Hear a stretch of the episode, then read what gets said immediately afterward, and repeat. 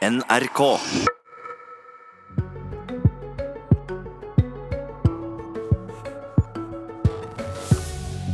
Partia jobber på spreng for å temme bompengeopprøret. Senterpartiet spør nå om vi kan kutte i kollektivsatsinga og veibygginga i de store byene. Og Frp tar til orde for å endre regjeringsplattformen. Hva kan sprette opp av Pandoras eske når vi åpner dette ballet? Er det mulig å sette ned bompengeprisene i byene? Kan det være at bymiljøpakkene er blitt litt for ambisiøse? Disse spørsmålene har vi hørt deg, Marit Arnstad, parlamentarisk leder i Senterpartiet, stille i Dagsnytt i dag. Og har du et eksempel på et prosjekt du mener har blitt for dyrt og for ambisiøst? Først får jeg lov å si to ord om bakgrunnen for det spørsmålet jeg stiller. fordi at de her avtalene har jo utvikla seg og forandra seg betydelig gjennom de siste ti årene. Eh, og jeg tror at det er på tide å diskutere både eh, prosessen, altså systemet, innretninga av avtalene, eh, formålet knytta til dem, og også ambisjonene i dem. For det blir litt sånn at noen av prosjektene enkeltprosjektene framstår som du skal liksom lage the state of the art hver gang. Og vi må spørre oss om det er mulig å gjennomføre det her med en større grad av nøkternhet enn det vi har hatt så langt. Og da har jeg to eksempel. Mener du at norske byer ikke har vært, for, altså, vært nøkterne? Har Nei, jeg, sa, jeg, har, jeg, jeg, mener nok at det er noen eksempler som tyder på at vi bør ta en debatt om det. La meg ta to eksempel. Det ene er E18 vestover fra Lysaker til Ramstadsletta. Altså 13 milliarder kroner for 4 km motorvei. Eh, der du skal bruke 2,5 milliarder alene til å ekspropriere eiendommer langs veien. Eh, det andre eksempelet er et eksempel fra Trondheim, der du altså planla å bruke 2,4 milliarder kroner på en ekspress sykkelvei eh, over Heimdalsmyra. En må spørre seg om det ikke har vært mulig å slanke noen av de prosjektene og fått gjennomført noe som er viktig og bra, men til en mindre penge enn det som ligger an i dagens bypakker. Er dette spørsmål som byene som sitter og vedtar disse pakkene, og det på Stortinget som sitter og godkjenner disse pakkene, ikke har stilt dere før? Jeg tror nok at det er, eh, har utvikla seg. Altså Jeg er redd for da, at det har utvikla seg en tendens til at du laster stadig mer inn i de enkelte prosjekt. Eh, og at du kanskje også tenker litt mye state of the art, som jeg sa. altså det At det skal liksom, skal lage det for evigheten, nærmest. Og jeg mener at når vi møter motstand, så skal vi ta det på alvor og møte med respekt.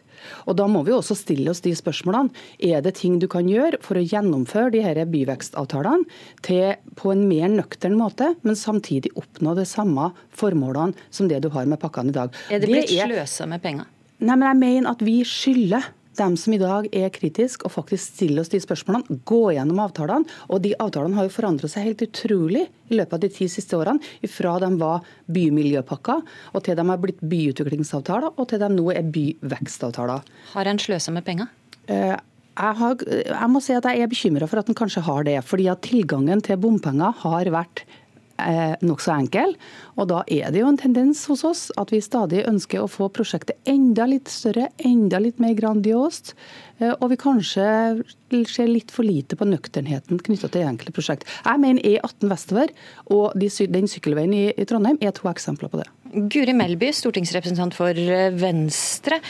En sykkelvei til 2,4 milliarder kroner, det høres jo litt voldsomt ut?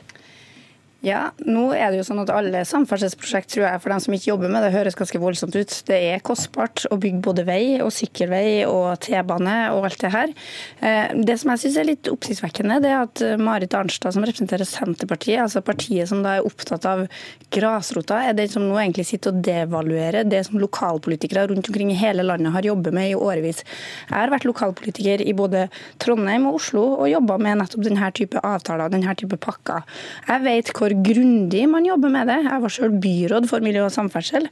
Eh, jeg vet også hvor hard staten var som forhandlingspartner. Det var ikke bare å putte inn i hva som helst. Her var det viktig å ha gode prosjekt som var godt eh, kvalitetsvurdert, og som var, eh, ja, som var nøkterne. Det var ikke lov å putte inn i akkurat det man ville.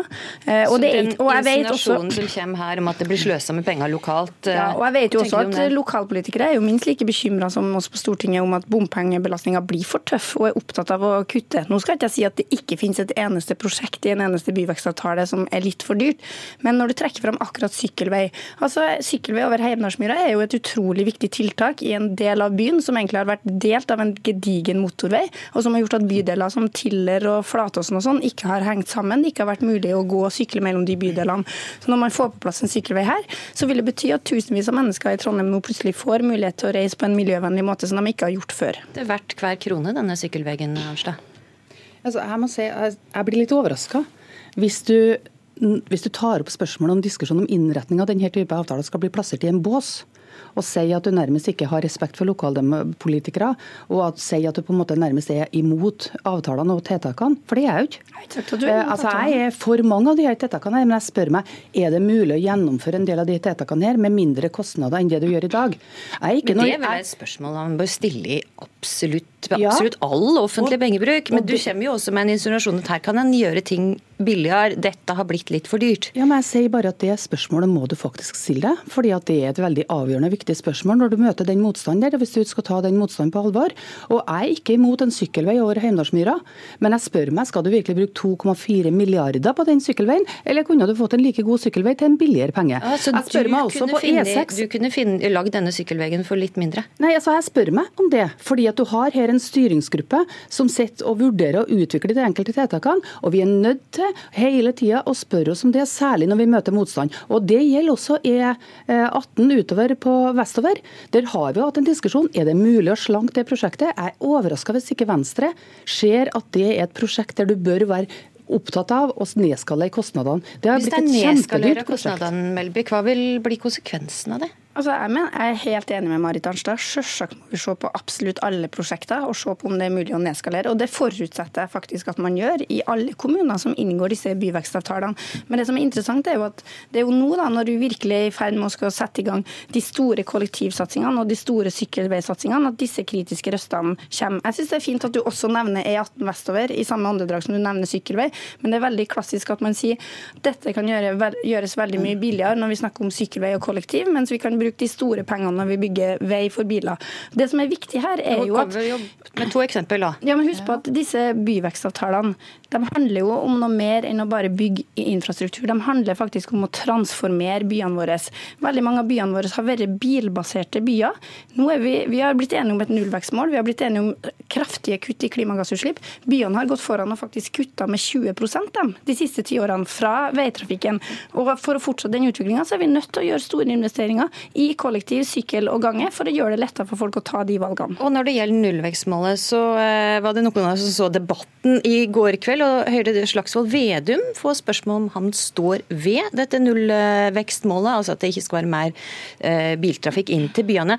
Han svarer at det er lov å bruke huet når vi får eh, flere elbiler. Betyr dette at Senterpartiet går bort fra dette nullvekstmålet nå? Nei da, det betyr det ikke. Og det er helt utmerket at byene kutter. Så en kan bruke men, huet med nullvekstmålet men, men poenget er, poenget, er, poenget er jo kan du gjennomføre en del av byvekstavtalene på en mer nøktern måte enn i dag. Og Men ikke, nullvekstmålet skal være styrende? Snakke, snakke ja, det har vært styrende også når vi satt i regjering. Så altså, det, er ikke, det, er ikke, noe nytt i det. Men, men det, det Slagsvold Vedum jo sa, og det er jeg enig med i, de her avtalene kommer til å endre karakter desto flere nullutslippsbiler du får. Men så har jeg lyst til, jeg må nesten få lov å svare også litt. Fordi, det må være kort. Nei, altså det er sånn at Guri Melby eh, altså Venstre påstår at vi tar opp dette nå. Vi har vært opptatt av å slanke E18 f.eks. vestover i flere år, og har foreslått utsettelser nettopp av den grunn. Det har ikke Venstre vært ønska å vært med på, men det mener jeg du må vurdere. Og så mener jeg at styringssystemet okay. i de disse pakkene her Der. er for smalt. Ja. Altså Det er bare en to-tre personer som sitter og vurderer den daglige driften av disse pakkene her. Det er ikke tilstrekkelig. Der må jeg avbryte det. Marit Arnstad, takk for at du kom til Politisk kvarter. For vi skal over til å snakke om et annet forslag for å få ned bompengene. Frp vil innføre moms på elbil og bruke om lag de om lag 7 milliardene vi får inn på det, på å temme bompengeopprøret. Det er bare ett problem. Det vil være et brudd på en avtale det inngikk i januar, kalla regjeringsplattformen. Sivert Bjørnstad, talsperson, finanspolitisk talsperson i Frp. Kan du forklare oss først, hva er ditt forslag for å lette på bompengekrisa? Du, det her er jo noe så sjelden som et uh, forslag på en uh, akutt løsning, som i tillegg har et uh, inndekningsforslag. Nå er det jo heldigvis flere og flere partier som ser at dagens innkreving av bompenger er urettferdig og usosial, og det brer om seg et opprør i hele landet. Derfor så foreslår vi at man faser ut en av fordelene på elbil litt tidligere enn planlagt. Det er jo sånn at alle innser at elbilfordelene etter hvert skal fases ut. Hvis vi innfører moms på elbil elbil fra neste år, så gir det staten 7-8 milliarder ekstra som vi kan bruke på å eh, enten gi et bompengefradrag, eller det kan brukes til å øke statens andel i kollektivsatsinga, sånn at bompengeregninga for den enkelte går ned. Men det er bare fire måneder siden det skrev under på regjeringserklæringa, der det lova å verne elbilfordelene ut denne stortingsperioden. Hvorfor kan du nå bryte det?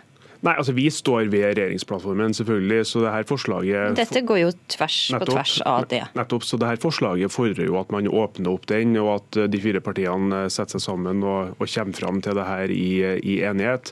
Men jeg er også glad at uh, eh, f.eks. Venstre, Abid Raja, har jo vært ute og sagt at man trenger mer sosial profil på bompenger. og det her vil jo være en sosial profil. En undersøkelse for eh, noen år siden viser at de som kjøper elbil, har god råd. og det her vil da være en overføring fra dem med god råd til dem med mindre god råd. Erna Solberg, hun, eh, statsministeren, hun skjøt ned forslaget ditt bare noen timer etter at det var lansert i Dagbladet i går. Og Guri Melby, eh, hva syns du om at kollegaer i regjeringspartiet Frp allerede åpna for å reforhandle regjeringsplattformen? Nei, Jeg syns jo selvsagt det er beklagelig. Eh, det viser vel først og fremst kanskje hvor viktig Venstre faktisk er i denne regjeringa for at vi skal greie å nå de ambisiøse målene som et bredt flertall på Stortinget faktisk har satt seg bak, eh, om at vi skal få ned klimagassutslipp. Og der vi vet at veitrafikken er en av de aller største eh, utslippskildene. Og vi vet jo at nå, pga. de elbilfordelene vi har, så har salget av elbil gått veldig bra, særlig i de mest tettbygde strøkene. Så nå er ca halvparten av alle nye biler som selges elbiler.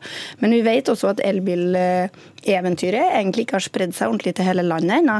Eh, I fylker som Finnmark der er det under 1% som kjører elbil. Hedmark og Oppland er det også svært få som kjører elbil. Mens nå får vi jo faktisk elbiler som er i ferd med å ha ganske bra rekkevidde, som gjør at det også er mulig å bruke dem i distriktene. Jeg synes det skulle være veldig synd hvis vi avslutter nå de fantastiske virkemidlene for elbil før det når hele landet. Eh, jeg mener det vil være ganske urettferdig. Og så vil jo det her gå tvert imot regjeringas klima- og miljøpolitikk, som sier at vi skal ha eh, bare nullutslippskjøretøy fra 2025.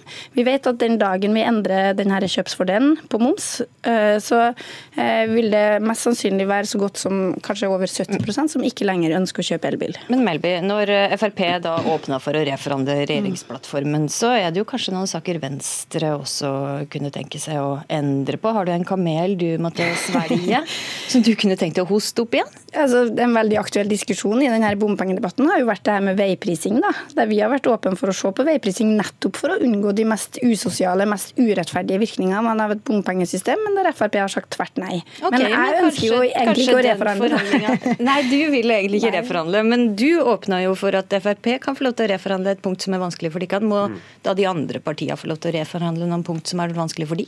Det må de gjerne få lov til, men vårt standpunkt på veiprising er det samme som det var i går og forrige uke. At vi, Å flytte taksameter inn i folks eh, biler gjør ikke at man fjerner bompengene, man flytter det bare inn i, inn i de enkelte sine biler. Men Hvis du skal men, få men, moms på elbiler, så må du kanskje kunne svelge noe annet? Ja da, det kan være at vi må svelge noe annet. Det, selvfølgelig så er det sånn. Men la, meg altså, bare få si La meg bare få si det med fordeler med elbiler. Det vil jo fortsatt være veldig gunstig å kjøpe elbil. Det å åpne det ballet med å reforhandle regjeringsplattformen. Her har jo f.eks. Trond Helleland, parlamentarisk leder i Høyre, han har laga kjøreregler for hva det i regjeringspartiene kan debattere i media. En av dem er å unngå intern krangel om saker som allerede er avgjort i regjeringsplattformen. Er det utspillet du hadde i Dagbladet i går, er det i tråd med Helleland sine regler for eh, hvordan det skal oppføre dere?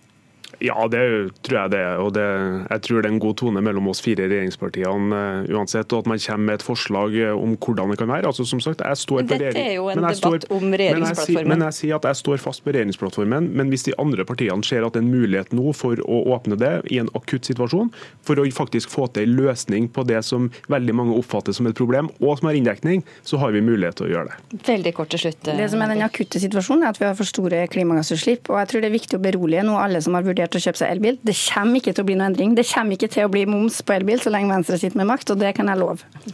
Tusen takk, Guri Melby fra Venstre og Sivert Bjørnstad fra Frp. Husk at du kan laste ned Politisk kvarter som podkast.